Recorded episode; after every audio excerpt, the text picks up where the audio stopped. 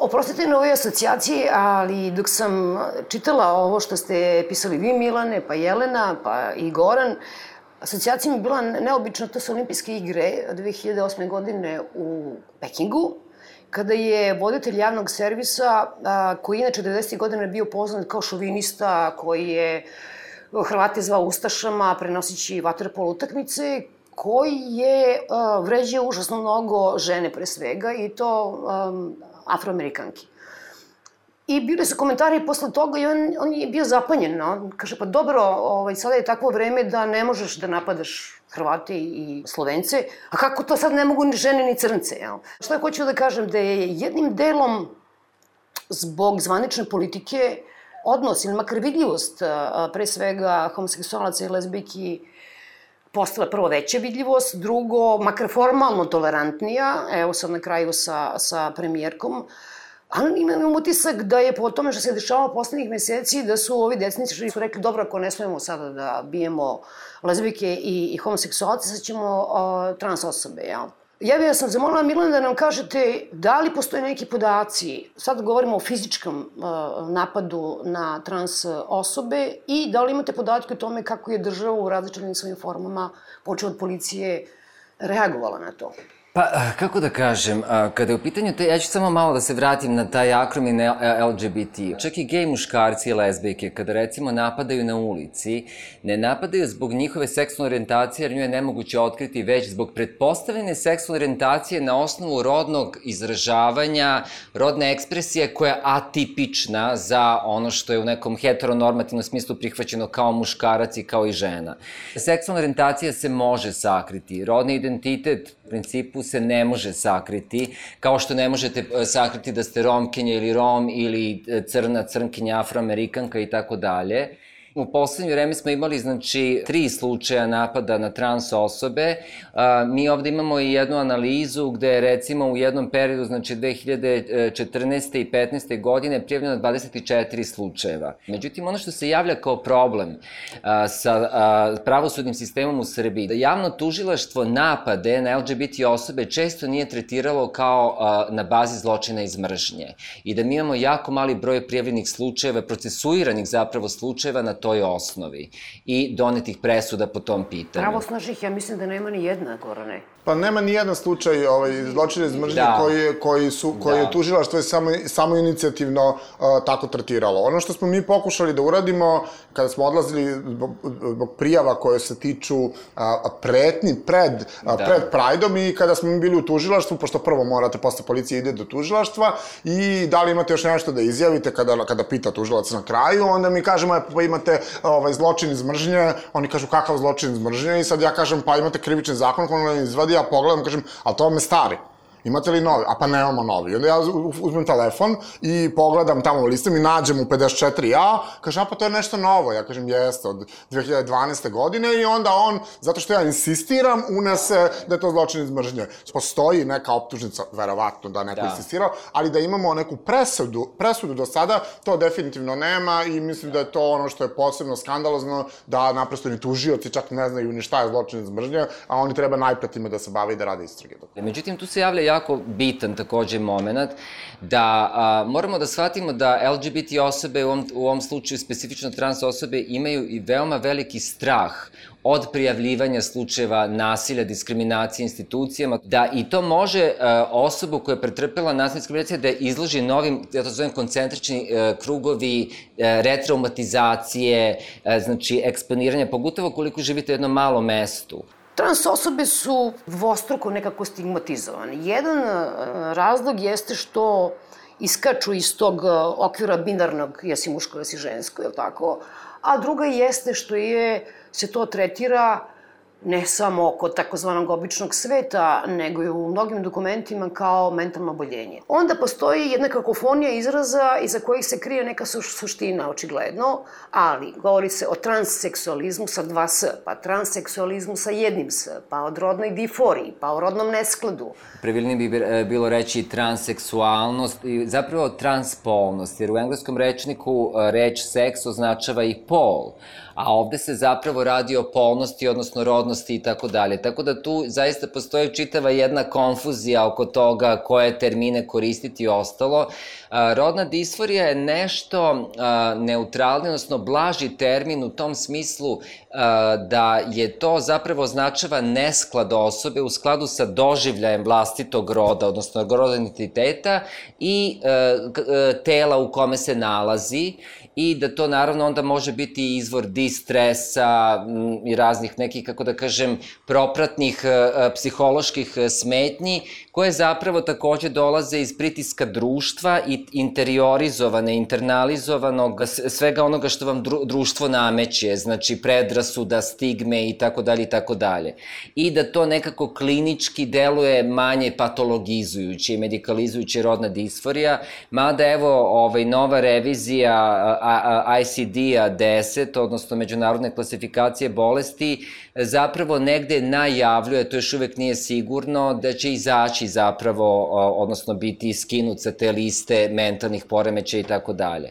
Tako da, mislim, hoću da kažem, ono što je ključno razumeti da postoji taj čitav spektar identiteta. Recimo, ako su na kraju tog spektra kontinuma muškarac i žena, postoji taj čitav spektar najrazličitih identiteta. Jedna profesorka koja se bavi baš, znači, teorijom roda, rodnosti, džendera i transrodnosti, ona je napomenula jedan divan primer indijskog plemena, gde ona kaže, znate, imate pet prstiju, a trans osobe sa njihovim identitetima i fluidnosti su zapravo taj prostor između prstiju. Tako da, eto, to je jedna lepa metafora koja možda može do nekada da objasni da postoji čitav spektar transidentiteta.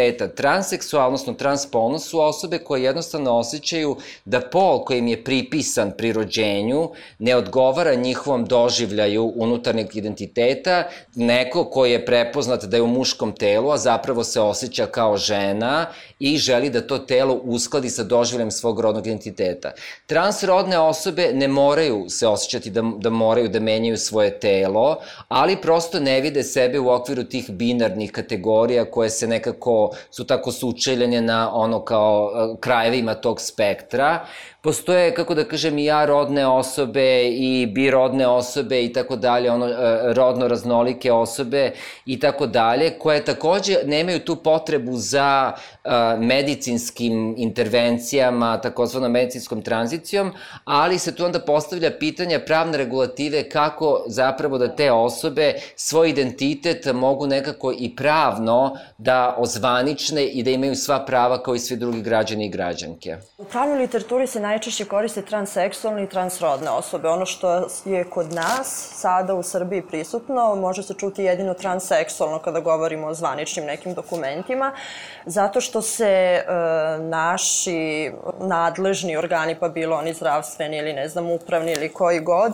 susreću jedino ili žele da se susretnu jedino sa tom jednom grupacijom transseksualnom. To su zapravo osobe koje imaju doživljaj svog identiteta koji je suprotno drugačiji, mnogo drugačiji od onog koji su dobili biološkim rođenjem i to su osobe koje imaju potrebu da, potrebu da usaglase taj svoj uh, identitet koji osjećaju na taj način što će promeniti fizički izgled svoga tela i one ulaze u proces jedan tranzicije, polne tranzicije koji se završava uh, hiruškim intervencijama na kraju tog samog procesa tranzicije. Transrodne osobe uopšte nemaju potrebu da fizički prilagode to svoje telo, jeliti tom biološkom, odnosno osjećaju tog ličnog nekog identiteta identiteta koji... koji Ili e, možda, ja se izvinjam što te prekidam, mm -hmm. možda samo neke medicinske intervencije do određenog stepena. Do određenog stepena koji može da se ogleda u tome da žele samo da uđe u te takozvane hormonske terapije ili procese tranzicije, a da ne žele nužno da izvrše određene hiruške intervencije na svom telu.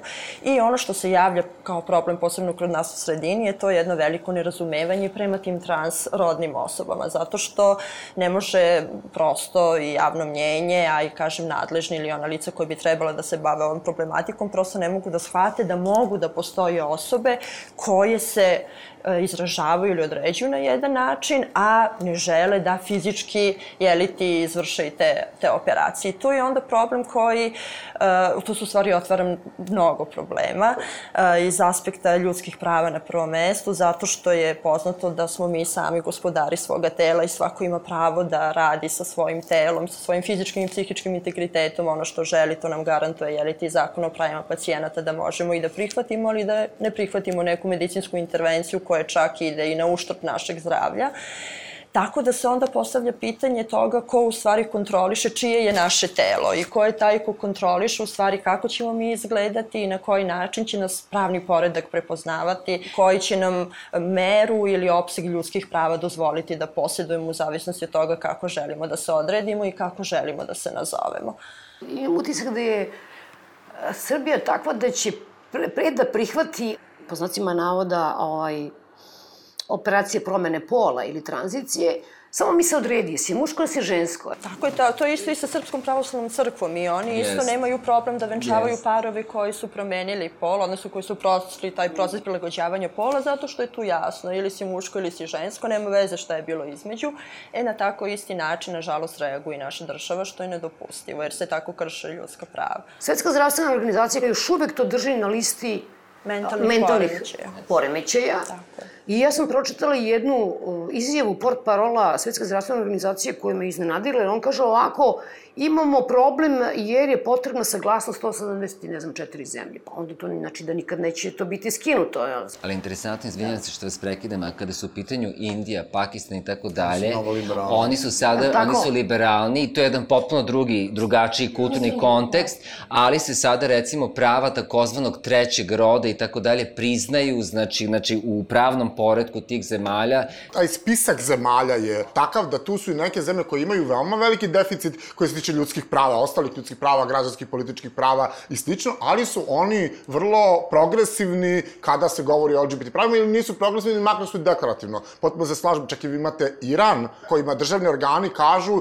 da mora država da obezbedi trans osobama da promene pol i tako dalje. Dakle, oni su, imaju smrtne kazne za homoseksualnost, dakle, ako imate od dva osobe istog pola imaju seks, imate smrtnu kaznu, a s druge strane, ako želite promenite pol, to je potpuno okej. Okay. Tako da ne, ne mora da znači da će Svetska zdravstvena organizacija da bude tako konzervativna, da kažemo u ovom, u ovom smislu i ostaje da se vidi kako će sve izgledati. E sad, da li meni može neko da objasni jedan absurd do 91. godine, recimo, da u medicinskim učbenicima ne postoji uopšte termin a, transseksualnost ili transrodnost, A da dve godine pre toga beogradski lekari ovaj, vrše takozvanu promenu pola. 1989. godine, barem prema podacima koje ja posjedujem, je pokojni akademik dr. Savo Perović izvršio prvu operaciju prilagođavanja pola. To isto je jako važno da se zna, čini mi se da, da ovde kod nas uopšte ne postoji svet o tome da i taj proces prilagođavanja pola je proces koji traje nekoliko godina i da te operacije koje su samo u toj poslednjoj fazi koje se vrše, nije to jedna operacija, već je opet to niz kompleksnih, veoma stručnih i kompleksnih operacija ali su očigledno na neki volšeban način tada, kažem, na nivou eksperimenta određena lica, trans, transrodne osobe koji su imali hrabrosti, da tako kažem, ili im je to bio jedini način da usklade svoje telo sa onom potrebom koju imaju relativno unutar sebe, mnogo, mnogo rizikovali i čak bez bilo kakve medicinske dokumentacije, bez rasvenih knjižica, ništa toga nije išlo regularnim zaštite. tokom, bilo kakve zaštite, niti mogućnosti da neko danas sutra odgovara ukoliko dođe do nekih grešaka prilikom tog lečenja lečenja, preuzimala rizik na sebe što ponovo naravno pokazuje da to nije nikakav kapric, niti neki hir koji traje neko vreme, koji će neku zloupotrebiti da nakon, ne znam, određenog perioda se ponovo vrati, jeli ti u pol koji, koji želi ili već neki drugi, treći, koji god.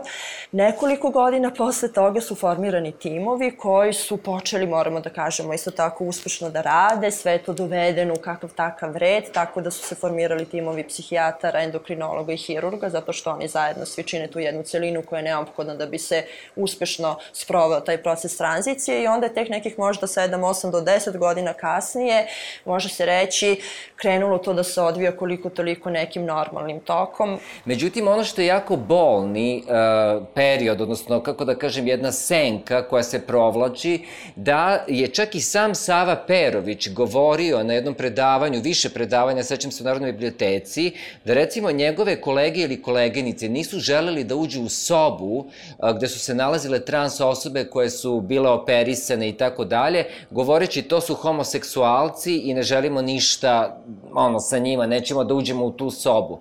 Otvoreno on govori o tome. S druge strane, ja hoću da kažem da trans osobe koje se recimo uh, identifikuju kao transpolne i tako dalje, trans žene, trans muškarci, mogu imati bilo koju seksualnu orijentaciju. Sava Perović je odbijao da uh, operiše ljude čija bi seksualna orijentacija, kada se uspostavi taj željeni rod, znači ja sam neko ko je rođen, ne mislim ja, dajem kao primer, kao biološki muškarac, ali postajem žena i pravno prepoznata i tako dalje i zapravo se vi osjećate ceo život kao žena, ali moja seksualna orijentacija je otvorena kao ženama, on je govorio na tim predavanjima da on neće da interveniše na osobama koje će nakon jel, procesa medicinske tranzicije postati lesbijke ili gej muškarci muškarci.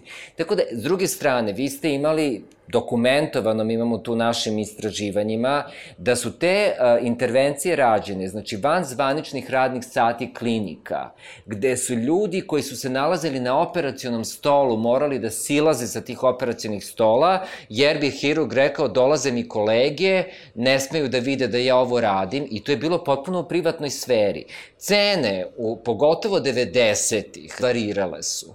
Znači da cena nekih medicinskih intervencija bi koštala jednog dana 2000 za jednu osobu, za drugu osobu 3000, 5000, iako se te intervencije jesu radile zapravo u prostorijama zvaničnih medicinskih institucija. Tako da je to bio jedan izuzetno kompleksan problem, znači sa pravne čak strane, a, etičke, na etičke strane. A šta je sa postoperativnim tokom? Šta, mislim, to je ozbiljno. To je ogroman problem takođe. To je, znači, i dan danas, iako se situacija jeste popravila, jer kako da vam kažem, jako je važno napraviti od lekara i lekarki koji su potrebni mnogim ljudima saveznike i saveznice, ali istovremeno mi ne možemo da negiramo istoriju.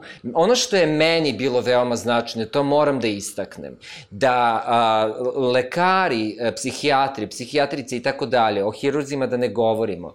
U javnosti kada bi govorili, su prosto to govorili e, sa aspekta, znači, medicinskog, naučnog i tako dalje. Ali jako njih, malo je njih govorilo do koje mere su trans osobe izložene najrazličitijim vidovima nasilja i diskriminacije i da se reguliše čitav taj proces ljudima kojima je potrebna medicinska tranzicija, da im država pomogne imajući u vidu u koliko teškoj situaciji se ti ljudi nalaze. Međutim, tu su sad razni argumenti. U okviru, u poređenju sa nekom opštom populacijom, trans populacija predstavlja jedan, kako da kažem, mali procenat. Ali istinska demokratičnost i poštovanje ljudskih prava jedne države se ne zasniva na tome koliko je velika ili mala određena populacija, već zapravo u, u, u politikama jednakih šansi i poštovanja svih onih koji pripadaju manjinama. Trans osobe u Srbiji, ko su njihovi saveznici uopšte bili ovih godina?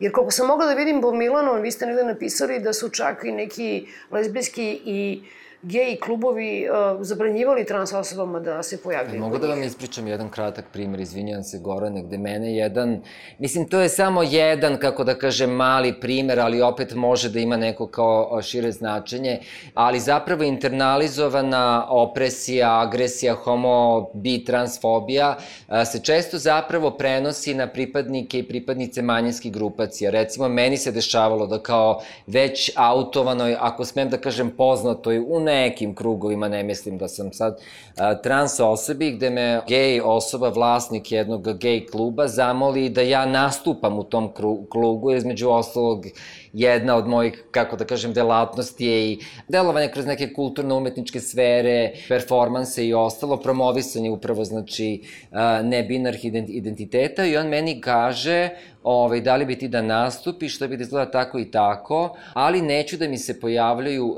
tranđe, romi i seksualne radnice u tom klubu. Treba se vratimo samo korak nazad. Ono što je Milan pomenuo, dakle, kada govorimo o napadu i nasilju, to je zato što smo, što je pretpostavljena seksualna orijentacija. Onaj ko napada ili mrzi ili ne želi nekog ili želi da vas, da kažemo, makne iz javnog života ili bilo šta drugo, dakle, pretpostavlja a, a, da pripada. To je pr prva, prva bitna stvar. Druga bitna stvar je istraživanje koje smo radili i koje, do, ta jedna, jedna cifra u tom istraživanju pokazuje jako puno toga, a, da 78% građana Srbije a, smatra da LGBT zajednica, a, šta god da je, može, ne može, vole, ne vole, vole, ali ne treba javno da pokazuje svoju seksualnost. I tu dolazimo, dakle, vi imate, znači, samo 22% koja misli da mi to treba javno da pokažemo. Tu je u stvari taj ključ. Dakle, čim pokazujete nešto što nije muško i žensko, Znači, bilo šta između toga što pokažete, znači, vi ste muško, ali ste feminizirani muškarac, vi ste žena, ali si malo muškobenas, znači, možeš biti straight, ali ako ti nisi malo ovako ili onako, dakle, to je već problem i to je već razlog za nasilje, diskriminaciju ili bilo šta. Ti 78% treba da se ukrsti sa podatkom koji ja lično imam iz istraživanja, dakle, 2001. godine, kada se desio Pride u Beogradu, mi smo imali ljude koji su pretučeni na trgu Republike i tako dalje, Fond za humanitarno pravo je tada radio, istraži, a, a, uzimao intervju od ljudi do kojih je mogao da dođe, naravno, verovatno ne do svih, ali ja sam pročitao osam intervjua sa ženama koje su dobile. Sedam od njih ne pripadaju LGBT zajednici. One su napadnute zato što su imale kratku kosu, imale su piercing, imale su, ne znam, crvenu torbu i tako dalje, nisu ni znali šta ih je snašlo. Oni su znašli, dakle, to je pretpostavljena seksualna orientacija. Dakle, to su važne činjenice a, a, koje imamo i a, Milan je potpuno pravo, dakle, ljudi koji pripadaju pokretu, a, da kažemo, za ljudska prava i mnogi ljudi imaju jako veliki, a, i velikih predrasuda. Sad, da li je ta transfobija izražena zaista onako direktno? Pa ni homofobija nije često direktno, pa dobro, ja znam jednog geja, iste sa transfobijom, znaš, znam ja jednu tranđu, dakle da, da se odmah u reči tranđa krije sva ta transfobija i naprosto nem, nem, vi kad malo zagrebete a, a, bilo gde, da, i dakle kod ljudi koji su veoma obrazovani u Srbiji, tako da vi vidite a, dosta, ako ne neznanja, ali onda predrasuda svakako, a, stereotipa i slično. Dakle, bojim se da trans zajednica nema puno saveznika, definitivno, i ja se sećam da svaki naš pokušaj pravno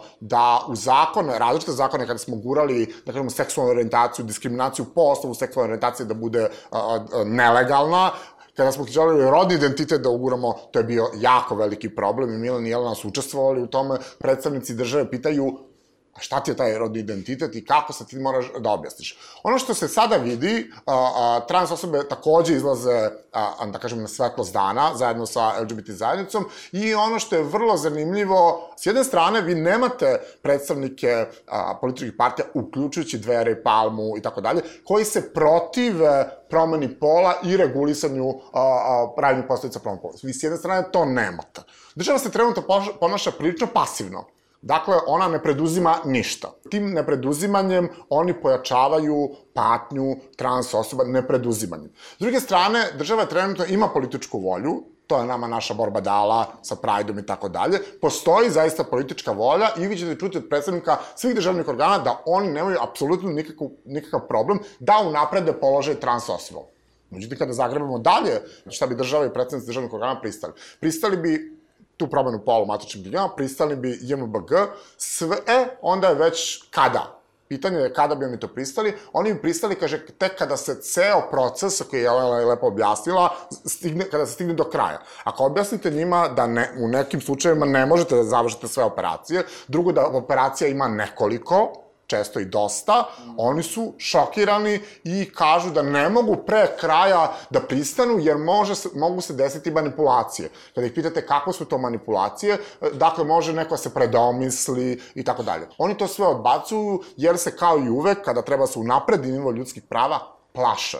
Dakle, država se plaši od bilo kog unapređivanja ljudskih prava i u ovom konkretnom slučaju kad govorimo o trans osobama, plaši se bilo čega što nije muško i žensko. Dakle, ja ću da te držim u, u, ovaj, u, u stanju patnje uh, ukoliko, ukoliko ti odlučiš da iskoračiš iz muškog, na primjer, i kreneš ka žensko, a kad stigneš do tog kraja, ja ću da odredim kada ti je kraj, znači nećeš ti odrediti kada je kraj i kada želiš da se zoveš drugačije, kada ja želim da se zovem Milica, dakle neću ja odrediti koji je to trenutak, država će ti odrediti. Ono što smo čuli od predstavnika vlasti je za mene bilo još šokantnije. Dakle, oni imaju nameru da i kada konkretno Milica stigne do tog kraja koji su oni odredili, a ne kada je Milica želela, oni su smislili da, opet zbog razloga straha, taj postupak bude užasno komplikovan. Pa moram da vam kažem, treba nam, e, verovatno, advokat e, trans osobi treba da bi, da bi završila veoma jednostavnu stvar, dakle da se upiše novo, nov, e, nov pol i da se upiše JBBG. Trenutno se sve svodi upravo na ovo što sam pomenuo, dakle na, na tu kako država kaže, poslednju operaciju S druge strane, uh, upadamo u zamku da kažemo da se sve svodi na edukaciju i da se edukacijom sve rešava. Ja zaista mislim da se edukacijom sve ne rešava. To je alibi za, ne, za nečinjanje u Srbiji. Treba raditi na edukaciji, ali mislim da prvo mora zakon da se donese, da se naprosto tu promeni i da se državnim organima da jedan, uh, jedan jasna instrukcija kako i šta da rade. Daću samo primer, uh, naša nova premijerka, ona je bila zadužen, njen, resor je bio zadužen upravo za izdavanje uh, tih potvrda o slobodnom bračnom statusu. Šta to znači? Ako ja želim da idem u, u Holandiju i želim da se venčam sa holandskim državljaninom ili bilo kime, tamo oni mi traže potvrdu da ja nisam već venčan.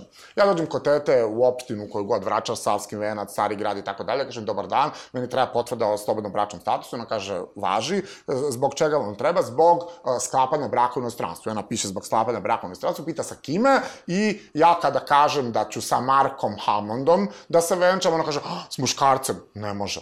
Dakle, i ne da vam, a ako kažem da je sa žensko ime, onda može. To je jedna potpuno jednostavna stvar, ne piše nigde u zakonu da ona sme uopšte da me pita, pita to, da. ali oni su to pitali i onemogućavali su ljudima koji žele stope braku u inostranstvu da to urade. Ona je to, ona je obećala i to je uradila. Dakle, to je samo tumačenje koje vi šaljete toj teti u opštini, matičarki, dakle da ona ne sme da pita više. To je veoma jednostavno. Volje za zakon o rodnom identitetu koji bi, koji bi rešio jako puno toga, čini mi se da trenutno, čini mi se da trenutno, trenutno nema. Ono što mi možemo je da su u velikom broju zakona pojavi zabran diskriminacije po rodnom identitetu i to je ono što mi radimo i to je ono što mu svi zajedno jesmo uspešni, ali se bojim da to na kraju opet u nekom trenutku nije dovoljno i da to ima limitirani efekt. To se čak odnosi na nezavisne institucije na tom polju te kuće ništa nisu uradile, do skandalozne izjave nove poverenice zaštitne ravnopravnosti, da nema strukturne diskriminacije LGBT osoba u... A ovde imate, znači, sa pravnog, sa svakog mogućeg stanovišta čitav, znači, niz i niz ogromnih pravnih problema. Jer šta se dešava kao i nekim drugim države? Trans osobe, ovde pre svega govorimo o transpolnim osobama, može se odnositi na transrodno, rodno raznolike osobe i tako dalje. Su u situaciji kao što smo mi uh, uh, imali uh, slučaj sa našom drugaricom koja je podnela ust, i ustavnu žalbu, jeste da recimo, znači, prepoznati biološki muškarac i žena su bili u braku. Ona je prilagodila svoj uh, pol doživljaju svog rodnog identiteta i pravno postala žena. Po našem ustavu i po našim zakonima dve žene ne mogu biti u braku. One su imale decu. Šta se dešava sa njenim roditeljskim i bračnim pravima? Neke preporuke koje smo mi pisali jesu ušle u postojeću strategiju, ali evo recimo Ministarstvo za rad, zapošljavanje i socijalne boračka pitanja koje je nadležno za regulisanje pitanja rodnog identiteta, nama je sad skoro konačno odgovorilo da zapravo radna grupa nije formirana, da ništa nije urađeno po tom pitanju. Kakav strah? O čemu oni pričaju? To je samo pokriće za to je protiv svih njihovih vjeruju i jedno to govore o strahu. Što to znači predomislit će se? Medicinska sva istraživanja do sada ukazuju da je izuzetno mali, gotovo ništavan postotak, ljudi koji, se, koji osete da su možda kao doneli pogrešnu odluku. Evropski sud za ljudska prava kada kada govori često o, o, ovaj, o slučajima koji se tiču LGBT osoba, ali dost, najviše kada govori o slučajima trans osoba, a ima ih nekoliko koji su jako važne presude, oni upravo za trans osobe kažu to što će država omogućiti trans osobama da normalno uživaju svoj identitet, da budu ono što jesu, ne oduzima pravo ni jednoj osobi u toj, u, toj državi, niti košta građane te države, apsolutno ne košta ništa. Dakle, to va, vaši slušalci i gledalci moraju da znaju. A opet vi s druge strane imate predstavnike ove države koji misle ako negde popuste u toj krutoj primjeni sadašnjih zakona, od kojih su neki još iz komunizma i tako dalje, nije, nije vezano toliko za komunizam koliko za čim su to zastareli zakoni, naprosto oni ako misle ako popuste ne, negde, da će da nastane haos, da će oni izgubiti posao. Što znači opet da oni se uh, ponašaju kao, ne kao osobe, dakle, koje vrše vlast i unapređuju, menjaju zakonodavstvo koje treba da ide za životom, a to kaže Evropski sud za ljudska prava, dakle, da život ide napred i pravo treba da ga prati, i država i pravo treba da ga prati, a ne da se kruto drže konzervativno tih stvari prepisujući stare odredbe i sve to puca onda kada mi nešto sa vrha stigne, nažalost, to sa vrha može biti premijer, predsednik ili bilo koja neka osoba koja se smatra uh, pater familiosom u, u, u ovoj državi, a imali smo ih nekoliko u poslednje vreme. I druga opcija koju mi imamo, to je međunarodna zajednica, odnosno u slučaju Srbije, to je konkretno Evropska unija, koja će reći vi morate ovaj deo vašeg zakonodavstva da uskladite, dakle, sa nekim civilizovanim normama koje postoje u toj zemlji. Mi smo svi ovde prisutni bili svedoci kada je Evropska unija rekla da će vize Srbiji, pa je nabrojala nekoliko uslova, biti, dobro, dakle, abolition, dakle, bit će ukinute vize za Evropsku uniju, pa deveti uslov je bio zakon o zabrani diskriminacije. Nijedan gej, gej par nije venčan, ali ono što se dešava u Srbiji je licemerje koje opet moraju znati slušalci i gledalci, dakle, mi ne možemo ovde da imamo gej brakovi, lesbijske brakovi, bilo šta, ali šta je, šta je moguće? Ako dođe strani diplomata u Srbiju, ambasador, zamenik ambasador i tako dalje, ima partnera on je muškarac koji ima partnera, ima usvojeno dvoje dece, njih uredno ministarstvo za ovaj ministarstvo spoljnih poslova prepoznaje, upisuje ih u listu tamo ovaj a, službenika a, a, ovaj stranih ambasada i predstavništava koje možete naći na sajtu, zvaničnom sajtu ministarstva spoljnih poslova, potpori preuzima, dobijaju uredno pozive da dođu na koktele i tako dalje. Znači oni prepoznaju državljane strane država koji su u istopolnim brakovima, dok je za nas kao državljane ove države to veliki skandal. Dakle to je jedno veliko licemerje rekao ovde vlada, ja ne mogu da držim nikoga drugog odgovornim do državu, državne organe,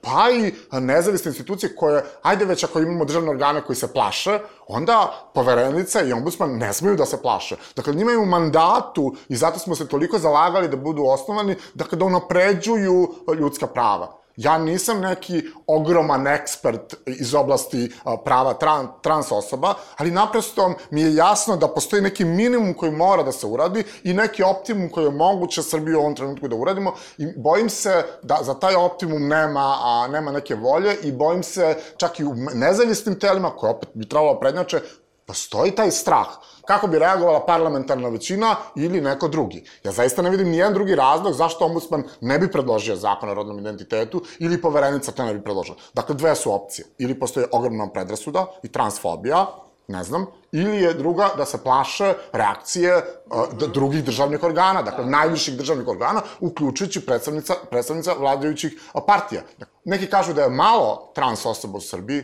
pa onda tim pre. Ako je malo osoba, eto, malo će biti akcije potrebno od strane države. Bilo kakva proizvoljnost kada su u pitanju, kada je u pitanju zaštita ljudskih prava, pa bilo koje manjinske grupe, naravno na prvom mestu odgovornost države i tu proizvoljnosti ne sme da bude. A ta proizvoljnost je konkretno kada su u pitanju trans osoba reflektuje ako pođete od toga da neko želi da promeni pol, jeli ti da ga da. prilagodi, želi da izvadi nova dokumenta ili ako završi, pošto se ta cela procedura završava na dva koloseka, da tako kažem. Prvi kolosek je ovaj medicinski medicinski o kome smo najviše i pričali, ali evo da, da kažem, pošto nismo sve do kraja rekli, da počinje tako što osoba prvo odlazi kod psihijatra i tek nakon pa minimum godinu dana u stvari je potrebno uh, razgovora i seansi jeli ti sa psihijatrom, psihijatar uh, daje tu diagnozu jeli ti koja se zove rodna disforija i tek nakon toga osoba kreće, ulazi u taj drugi ciklus jeliti terapije, odnosno postupka, gde psihijatar upućuje osobu praktično na endokrinologa i onda kreću hormonske terapije koje direktno utiču na promenu izgleda samog, fizičkog izgleda same osobe, dolazi do maljavosti, smanjuju se grudi, šire se bokovi, mutira glas je već na raznorazne načine dolazi do, do određenih fizičkih promena, tako da vi već tada do, dobijate jednu osobu koja ima u ličnim dokumentima određeno ime i prezime, a fizički kada je sretnete izgleda potpuno drugačije i to su već ti prvi trenuci kada u stvari u nekom javnom životu, izlaskom na ulicu, u sredinu, okruženje, prijatelje, porodicu, ta osoba počinje da ima probleme. Naravno, ti problemi počinju mnogo ranije, suočavanje sa samim sobom, odlazak, nalazak uopšte psihijatra, osoba koji su stručne da daju na adekvatan način određenu stručnu pomoć, jer je do skoro i niste mogli da dobijete informaciju gde su te osobe koje se bave isključivo pitanjima transrodnosti I nakon toga, nakon uh, endokrinološkog tog procesa koji traje nekoliko godina, od godinu dana do 3-4 godine, važno je reći da je svaki pacijent pojedinac za sebe i da je svaki pristup individualan, tako da ne možemo generalizovati i reći je sad godinu dana ovo, godinu dana ovo. Ja mogu drugačije da reagujem na hormone, vi na drugačiji način. Tek nakon toga podnosi se zahtev. 2012. godine je formirana marta meseca Republička komisija za, zove se za transrodne poremeće. Već i sam naziv tog ministarstva, ministarstvo zdravlja je formiralo tu komisiju, upućuje na poremeće ili na nešto što nije običajno, što nije normalno patologizujući tako jer se vezuje za taj isključivo medicinski tretman i pogled na transrodne osobe. Uslovi su da osoba ima 18 godina da bi mogla da podnese zahtev, da ima mišljenje minimum dva psihijatra, i to nakon godinu dana jeliti lečenja kod njih, da je prošlo minimum godinu dana endokrinološke, odnosno te hormonske terapije i onda komisija ceni da li su ispunjeni svi ti uslovi da bi osoba mogla da uđe u tu završnu fazu, znači hiruški proces intervencija na samom telu. Otprilike 8 do 10 osoba je planirano na godišnjem nivou da se izvrši jeliti, e, e, da se izvrše operacije i 65% troškova tih operacija, znači samo tog hiruškog dela snosi Republički fond za zdravstveno osiguranje. Postavlja se pitanje šta je sa ovim prethodnim procesom koji traje isto nekoliko godina, koji zahteva svakodnevno uzimanje hormona i nekih raznoraznih... Doživotno uzimanje hormona. Doživotno, raznoraznih nekih terapija i hormona koje osoba ili sama sebi daje ili odlazi jeliti da, da prima te hormone, pa se naravno otvara pitanje da li su dostupni ti hormoni, svi ti lekovi, da bi troškovi lečenja, odnosno tog procesa bili pokriveni od strane države ili od zdravstvenog osiguranja, onda mora da postoji neka diagnoza, nažalost. S jedne strane, ako želite da barem jedan deo u tom skupom procesu lečenja snosi neko drugi, odnosno država, onda trans osobe su u dilemi, ali pristaju da imaju, jeli, ti ucenjeni su praktično da, da imaju određenu diagnozu. Iako je, recimo, Francuska skinula sa liste mentalnih poremeća, odnosno tu diagnozu rodna disforija, ako postoji tendencija da se sa međunarodne liste mentalnih, odnosno mentalnih oboljenja skloni ta a, diagnoza rodne disforije, za sada kod nas jedini način da vi uđete u sistem lečenja je da dobijete diagnozu. Na taj način, praktično, su trans osobe ucenjene. Sa druge strane, svi ti izgovori onda padaju u vodu na koje često nailazimo, to je ta zloupotreba i to da sada će neko promeniti svoje mišljenje pa će jedan dan biti u jednog, jedno osoba jednog pola, sutradan osoba drugog pola, jer to onda direktno upravo ove naše državne organe, odnosno predstavnike tih državnih organa koji uzimaju to kao neki argument, dovodi u situaciju da oni diskvalifikuju u stvari ponovo jedan sistem koji postoje, to je zdravstveni sistem i te lekare koji imaju određene specializacije i koji su praktično taj prvi krug, da tako kažem, kažem, po znacima navoda zaštite ili vrata za trans osobu u ovom slučaju da uđe u taj proces lečenja. Ako mi onda ne verujemo njima i sumnjamo da će oni nakon godinu dana određenih terapija, mada i to traje mnogo duže nego godinu dana, jer opet iz iskustava trans osobe razgovora sa njima vidimo da se psihijatri veoma teško odlučuju, da to traje do 3-4 godine nakon što oni pristanu, da tako kažem, nekada. Da neka, neke osobe nemaju sredstva, da to je vrlo, kako diagnozu. da kažem, mali broj ljudi, izvini, tako. što te prekidam, ja radim između ostalog kao konsultant kinja na LGBTIQ SOS telefonu već dugi niz godina. Vi imate veliki broj, znači, e, trans osoba iz ruralnih delova Srbije koji prosto nemaju sredstva da dođe u Beograd na potrebne preglede. Onda postoji jedan takođe ogroman problem, gde lokalni, ne samo lekari opšte prakse, nego da lokalni psihijatri, ima već solidan broj prijavnih slučajeva, nemaju nikakva znanja o, znači, čitavom tom fenomenu transrodnosti. Mi smo imali slučajeva i mislim da taj kako da vam kažem, ta, ta ljudska priča jedne osobe, mnogih osoba, najbolje zapravo ilustruje čitavu problematiku. Gde ste vi imali, na primer, osobu, trans muškarca, koji je bio učitelj u jednom malom mestu, a znamo da tu raste i sva istraživanja pokazuju stepen transfobije, homofobije i tako dalje. U velikim gradovima možete imati neki veći stepen anonimnosti i slično. Znači, koji je prinuđen da napusti to mesto, da zapravo ostane bez posla, nađe se u jednom egzistencijalnom vakumu, a da onda ti isti lekari, zbog njim preopisanog seta i određenog, ako smem da kažem, interesa, a, traže od njega da dođe, prođe ceo proces hiruških intervencija za koji on nema novca. Ili gde recimo službenica a, a, lokalnog organa uprave upućuje osobu koja je imala svu medicinsku o, o, o, dokumentaciju na lekara sudske prakse da on proveri da li je ona dovoljno žena i bude izložena najmogućem degradirajućem, e, ponižavajućem, znači, e, kako da kažem, pregledu lekara koji njoj meri genitalije, grudi, što je toliko dehumanizujuće. Znači, potpuno neujednačene prakse kada su u pitanju promene dokumenta i tretman trans ljudi širom Srbije, što bi zakon o rodnom identitetu zap, značajno unapredio i tako dalje, ali iz nekog razloga država smatra da je i ta situacija bolja od, od zapravo rešavanja tog problema koji jeste složen, ali ovo bi svakako bili značajni koraci. Ono što je nama važno bilo i to što je u ovom modelu zakona o rodnom identitetu upravo i naglašeno je upravo to zato što ako se prati taj ceo proces, vidi se da već kada, krene, kada se krene sa hormonima dolazi do te fizičke izmene samog tela.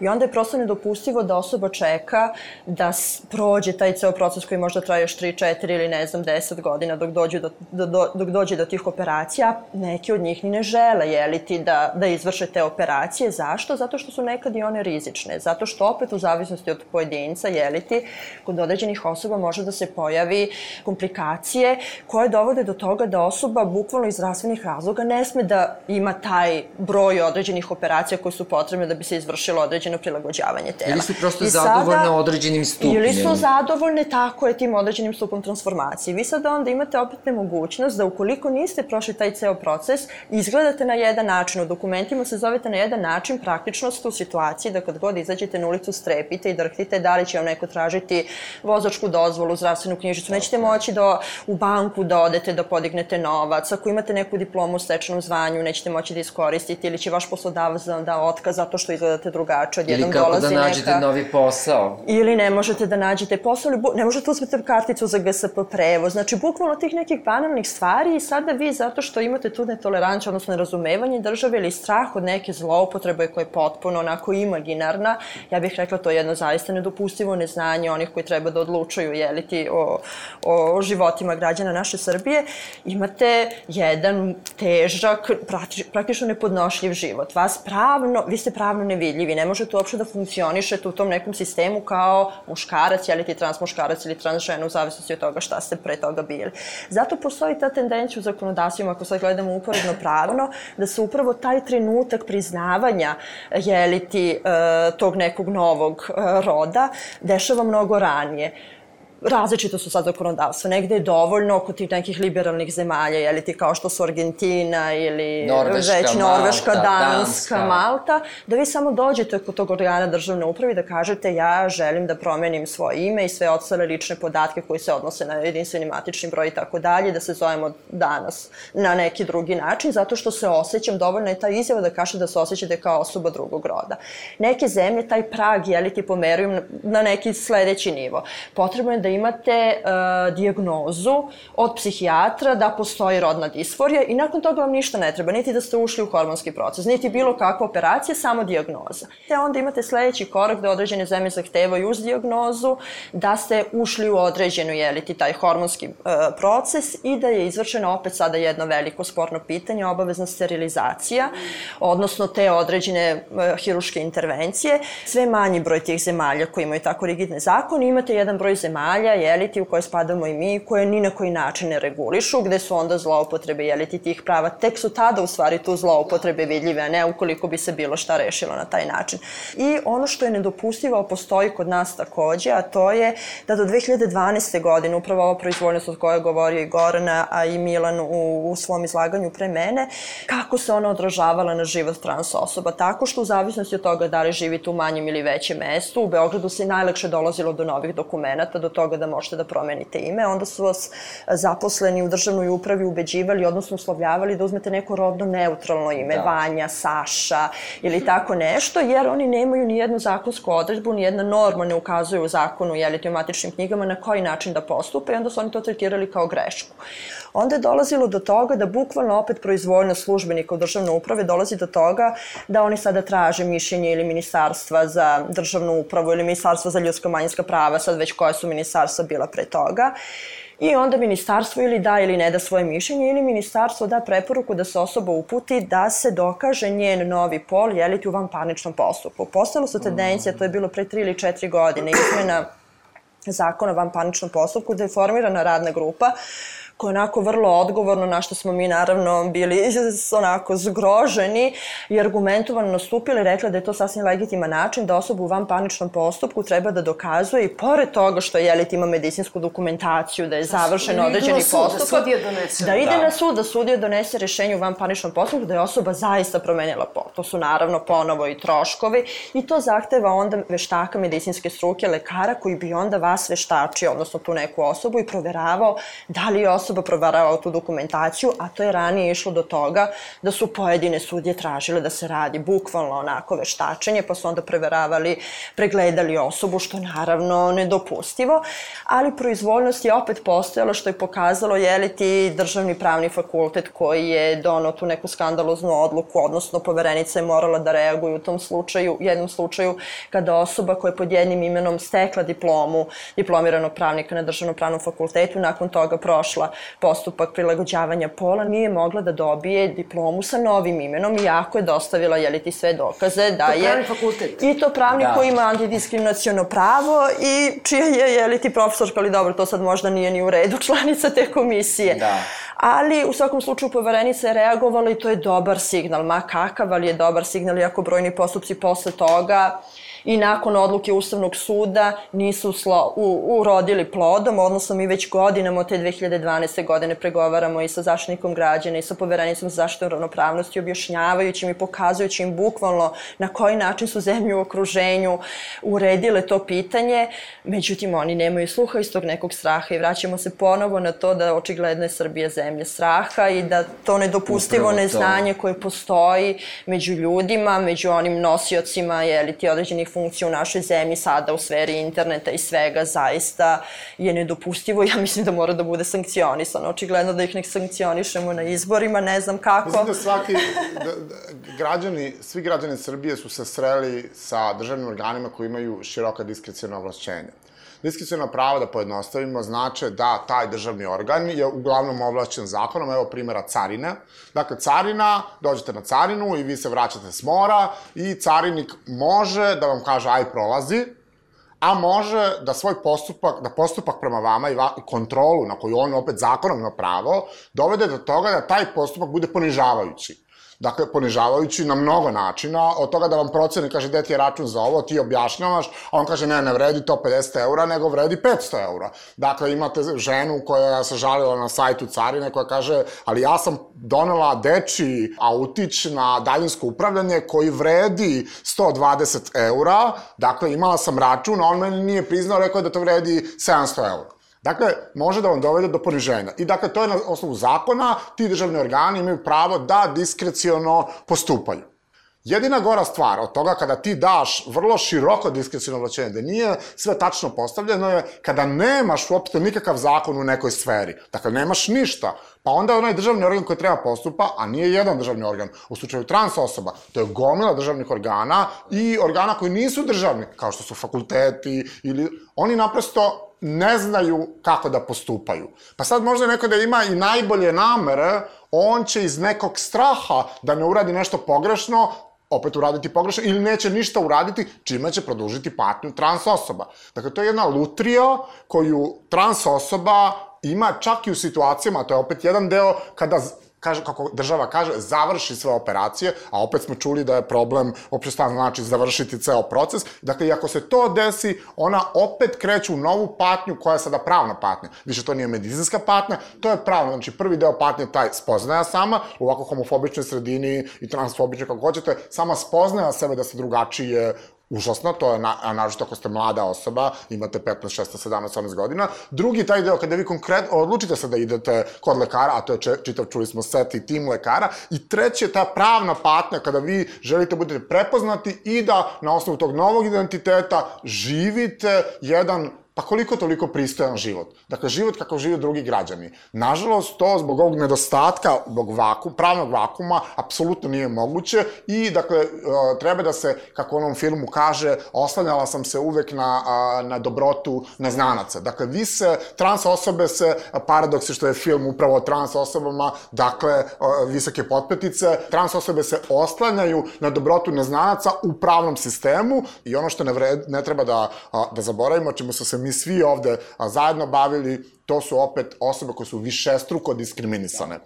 Često su osobe koje su jedna od tih, od najdiskriminisanih grupa, upravo jedan od, od, od osnova diskriminacije pripadnost trans zajednici. Ako imate romkinju, trans osobu i, i seksualnu radnicu jedna osoba. Ona je odbačena bukvalno od celog društva. Od romske zajednice, od LGBT zajednice, od, od, od državnih organa i na kraju je kao, kao seksualna radnica naprosto pod, pod pritiscima da bude i reketirana i hapšena i bilo šta. Jako mi je drago da je Goran pomenuo i to pitanje seksualnog rada, u, znači u tim koncentričnim krugovima, kako se to kaže, intersekcionalnosti, odnosno ukrštene višestruke diskriminacije. Zašto se recimo jedan priličan procenat trans osoba bavi seksualnim radom? Zato što je upravo, znači, izopšten iz ovog društva, zato što ste vi od najranijih dana odlaska u školu, socijalizacije, izloženi takvom zlostavljanju i pritiscima veliki broj trans osoba, da upravo zbog tvih pritisaka vi niste ni u mogućnosti da nastavite svoje školovanje, što vam naravno konsekventno smanjuje šanse na tržištu rada, tako da su to jako složena pitanja, pogotovo tokom 90 90-ih, a i danas uslovi nisu nešto drastično bolje. Da biste zaradili novac za, taj, za te ogroman novac za taj proces medicinskih intervencija i tako dalje, koje ste vi imali uslove tokom 90-ih za tako nešto i zbog toga se uh, neki broj trans osoba okreće tome, ali upravo kao ja prvo su primorane da u tome vide jedini izvor prihoda za sobstvenu egzistenciju. Trans osobe ili bar ogroman procenat se ne bave time zato što, eto, volela bi da se time bave, već zato što su primorane zbog svih ovih faktora koje smo naveli, užasnog zlostavljanja, višestruke diskriminacije i tako dalje. Odbačeni od porodice, ostali bez Tako posla je. i to je jedini izvor prihoda praktično jer moraju da, da uzimaju hormone. Uvek kažem, jedna od stvari je definitivno nećete ništa izgubiti ako trans osobe budu mogle da žive u skladu sa svojim identitetom. Ništa ne gubite, niti gubi država, niti košta bilo šta. S druge strane, stavite se makar, koliko god možda ne volili trans osobe, stavite se u te cipele, makar na pet minuta, promislite kako bi bilo da ste se rodili u nekom malom mestu ili u nekom velikom mestu, čak u Beogradu, kao trans osoba i da sada imate 17, 18, 19, 20 godina i da pokušavate samo da živite pristojno uh, u skladu sa svojim identitetom. Trpiš sve iste probleme koji trpi svaki građanin Srbije, a imaš plus jedno 80% više problema time što svoj identitet ne možeš normalno, normalno da uživaš i na kraju krajeva što kada ta osoba, ta trans osoba koji nas ovde sluša, koji smo opet neki saveznici, mi joj šaljemo poruku da eto možda i ako se nešto promeni, to će biti samo za one koji budu potpuno doveli do kraja to. A opet za one koji ne bi baš da dovode do kraja, možda negde na ovom putu da ostanu, negde na sredini ili u ovom ili onom delu, nekako neće biti prepoznavanja od strane države i bilo čega. Isto je sa ostalim pripadnicima LGBT zajednice, dakle, niko ne gubi, ako sutra dobije Srbija registrovana partnerstva, što je sve izglednije da pokušavaju da ljudi shvataju. Kada pitate ljudi da li ste za gej brakove, 90% građana Srbije kaže ne Veliko ne. Dakle, to je 90%. Međutim, kada pitate da li se za to da gej, LGBT osobe u stvari, mogu svojoj partnera ili partnerku posletiti u bolnici, 50% kaže da. Kada pitate da li su za to da nasleđuju jedne druge, 50% kaže da. Dakle, to je sve oko polovine. Nije Srbija baš toliko, kada to stavite na ljudski nivo, ljudi nisu baš toliko nije toliko ogroman procent, jeste veliki, ali i dalje ljudi imaju razumevanja. Samo jedna stvar, da molim vas da pojasnimo. Dakle, u tom procesu koji smo rekli, koji može biti doveden do kraja, sad je pitanje ko to određuje da je sada završen taj proces tranzicije, Dakle, sad će opet najgore proći osobe koje ne žele da obave, recimo, seriju operacija. Je tako da razumem ja to, jeste. Milan, jel da? Jeste, jeste. Zapravo, kažem, to je nešto što je usložneva, ali to je opet, kako da vam kažem, rezultat, ne želim da komplikujem tog jednog patriarhalnog, rodno-binarnog, rodno-poređenog, tako da je i lakše za opštu javnost, pa i za pomenutu SPC, da prihvati transpolne osobe, zato što se to nekako često i tumači kao, eto, to su ljudi koji je greška prirode, rođen je kao žena u muškom telu, ali promenit će to i u, uklopit će se u taj binarni sistem i tako dalje. Međutim, rekli smo, postoji taj spektrum, jel, najrazličitih identiteta, naš zakon, model zakona o rodnom identitetu se odnosi i na interseks osobe. Vi imate sada već nacionalno zakonodavstvo, zakon o rodnom identiteti koje potpuno pokrivaju i tu oblast, gde se vi ne morate identifikovati kao muškarac ili kao kao žena. Postoje sada nove oznake, tu su od Australije, Novog Zelanda, e, Norveška i tako dalje, dalje, sve veći broj zemalja, Malta i ostalo, gde vi kao osoba e, ne morate izabrati tu kategoriju muškarac ili žena, već prosto neku kategoriju neutralnu ili ostalo, other, koja prosto vama odgovara. Ali najbolji stepen prevazilaženja, odnosno način prevazilaženja socijalne distance, predrasuda koje su uvek zasnovane zapravo na neznanje, prepoznajte trans osobe i da prostamo budemo otvoreni da ako možda ne možemo ni da pomognemo ljudima, ali bar da im ne odmažemo. Mislim da je rešenje upravo usvajanje to, odnosno donošenje tog zakona koji bi na jednom mestu na jedinstven način u stvari regulisao, čuli ste i, i, pričali smo o tome koliko je ovo kompleksno pitanje i sa medicinske i pravne strane, kulturološke, sociološke, kako god hoćete, najviše sa, iz aspekta ljudskih prava. Mislim da izmene pojedinačnih zakona ne bi bilo rešenje, jer bi to dodatno zakomplikovalo, usporilo postupak sam i da rešavanje porodično-bračnih pitanja koje se vezuju za trans osobe, pitanje penzije, na koji način osoba koja promeni pol, kako stiče uslov za penziju, sve to zajedno može da se reši jedino tim jednim jedinstvenim zakonom i mislim da je to pravi put. Borili smo se dugo i za zakon o zabrani diskriminacije, pa nekih osam godina, nadamo se da će ovo ići malo kraće i naravno stalno pričati i razgovarati sa ljudima i upoznavati trans osobe, mislim da je to Da, i ne znam da bolji način još da završimo. Uh mhm. -huh. Milane, da nam objasnite ono gejten.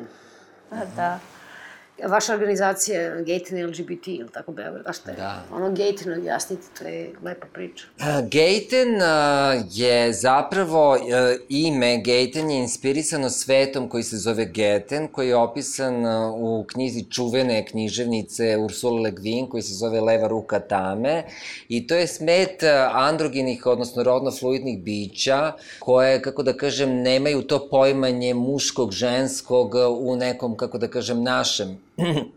sistemu pojmanja pola, odnosno roda. Ono što isto jako važno, to je da geten kao svet rodno-fluidnih bića, recimo čak se opisuje da neko ko je bio otac u jednom ciklusu može biti majka u sledećem i ostalom, ali da gejten nema u svojoj istoriji konflikte i ratove. Tako da eto, to je možda jedna lepa poruka da ove, ovaj, mi aktivisti, aktivistinje gejtena, ali i drugih organizacija radimo ka tom stvaranju sveta gde zapravo svako može da izražava svoju individualnost, a da to ne predstavlja kako je to Goran lepo rekao, pretnju drugima, već da to nas sve kao ljudska bića i društvo obogaćuje.